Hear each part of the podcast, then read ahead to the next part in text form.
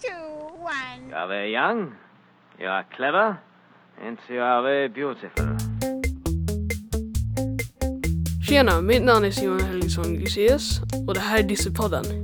Idag intervjuade jag Rebecca Andersson och jag ville intervjua henne för jag tycker det är ganska coolt. Hon håller på med föreläsningar inför lärare och pratar om dyslexi och hur det känns att vara eleven. Hon kan inte direkt säga som sagt um, vad alla känner som har dyslexi. Men uh, om läraren lär ut någonting. Men det hon berättar är hur hon såg när hon var yngre på sin dyslexi och hur hon, lärarna såg henne. Och hon berättar lite så här hur de kan hjälpa de barn som har dyslexi och hon går in för de som är lite yngre barn också och pratar om dyslexi. Um, så det var därför jag intervjuade henne.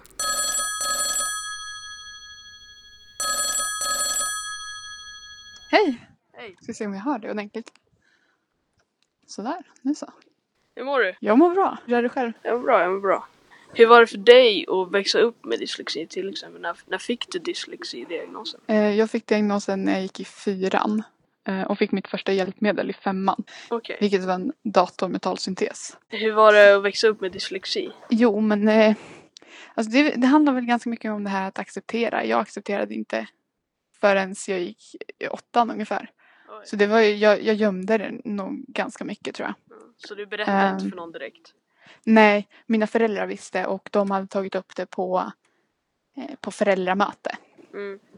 med andra föräldrar och det tyckte andra föräldrar var väldigt bra att de hade sagt. Eh, sen så jag tror att jag jag liksom nekade det på något sätt men samtidigt så tror jag jag kände ändå att ja men då har jag en förklaring på med diagnosen liksom en förklaring på varför det tar lång tid för mig att läsa och så. Mm. Okej. Så du, du nekade? Ja, alltså lite både och. Lite, jag tror jag skämdes lite grann för Mm. andra kompisar. För att jag visste nog inte riktigt vad det innebar. Du, du föreläser nu? Ja, precis. I klasser och för lärare också. Eh, Så man kan få en inblick på vad det känns som elev att ha dyslexi. Och vad man kan göra som till exempel klasskamrat eller lärare för att det ska bli eh, enklare och underlätta för elever med dyslexi. Hur kommer det att du föreläser skolor? Är det att folk bara säger vi vill ha dig hit? Ehm, det började nog med när jag gick i ettan och jag går barn och fritidsprogrammet. Vilket betyder att vi läser en hel del om, om dyslexi och andra funktionsvariationer. Mm. Eh, och då eh, fick jag då uppdraget, eftersom att jag var öppen direkt med att jag hade dyslexi eh, när jag kom till gymnasiet. Så fick jag uppdraget att eh, ja, men ta området om dyslexi när vi hade grupparbete om olika eh, funktionsvariationer. Eh, Så det började väl egentligen där, att jag började för min klass att prata om det och tyckte att det var kul. Eh, sen så i tvåan så kom min lärare och frågade mig om skulle inte du vilja gå in till ehm, en etta och prata med dem. Och jag körde på en liten föreläsning där och sen så har det fortsatt så egentligen. Eh, och av elever så har jag fått jättemycket frågor och så här, bra frågor som man kan undra som elev även om man inte har dyslexi. Men vad, är, vad, är, vad kan det vara för frågor då? Eh, ja, det, jag byggde faktiskt upp en föreläsning på deras frågor från början.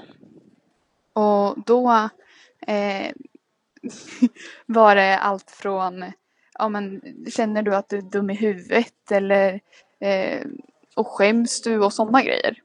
Väldigt hårda frågor. Ja, men precis. Men ändå så tycker jag att det är, det är bra att de, de vågar fråga. Det är mycket sånt som kan komma upp. Eh, om man inte vet vad dyslexi innebär och vad det är och sånt. Du gjorde en eh, föreläsning Mm. eh, och du nämnde en sak som handlar om teckenspråk. Yes, Och- det gjorde jag. Ja, jag har gått eh, gymnasiet med eh, teckenspråk som C-språk. Varför tycker du varför tycker teckenspråk är så intressant? Eh, det är mest för att jag tänker mycket i bilder och teckenspråket är, det är ett annat språk. Eh, det är en annan talföljd än vad det är i svenskan också. Det kanske man inte tänker på utan teckenspråket är ett helt annat språk och det är mycket bilder därför blir det enklare att komma ihåg. Och det använder jag även när jag eh, ska lära mig andra saker också. Jag tycker att det är lättare att, lära sig och framförallt att komma ihåg när det handlar om liksom, rörelse på händer och mimik i ansiktet. Nu, nu kommer jag tillbaka till den här föreläsningen som du gjorde. Eh, Den hette Ett färgglott liv. Att du tog, tänkte på bilder. Eh, ja, men jag tänker lite så här, ibland kan det vara ganska svårt att få ut eh, det man tänker i ord. Eh, vilket också kan göra det lite svårare att göra saker muntligt. Även om det kan underlätta ibland så kan det även vara svårt ibland också.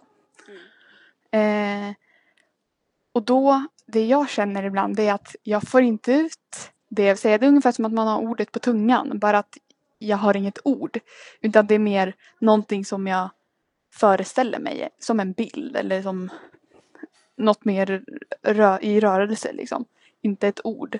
Eh, och då skulle jag helst vilja, ja men som tänka sig en kopiator som bara kan skriva ut det jag har. För jag vill liksom få ut det på en gång. Om jag börjar skriva och sådär så kan det komma att, ah men nej, vad tänkte jag på nu? Eh, så glömmer man bort det. Och det tror jag många känner igen också, även om man har dyslexi eller inte. Det ni nu hörde var Rebecca Andersson som föreläser om dyslexi. Hon går i gymnasiet i trean, som går sista året i gymnasiet. Det här var allt för Dissepodden. Eh, Min namn är Simon Helgesson Gruseus. Tack att ni lyssnade. Tack och hej. Leverpastej. Jag är young, jag är clever, and jag är beautiful. Vi som står bakom Dissepodden är Föräldraföreningen för dyslektiska barn, FDB. FDB hjälper och stöttar föräldrar som har barn med dyslexi. Mer information hittar du på fdb.nu. Dieselpodden produceras av Trapets Media.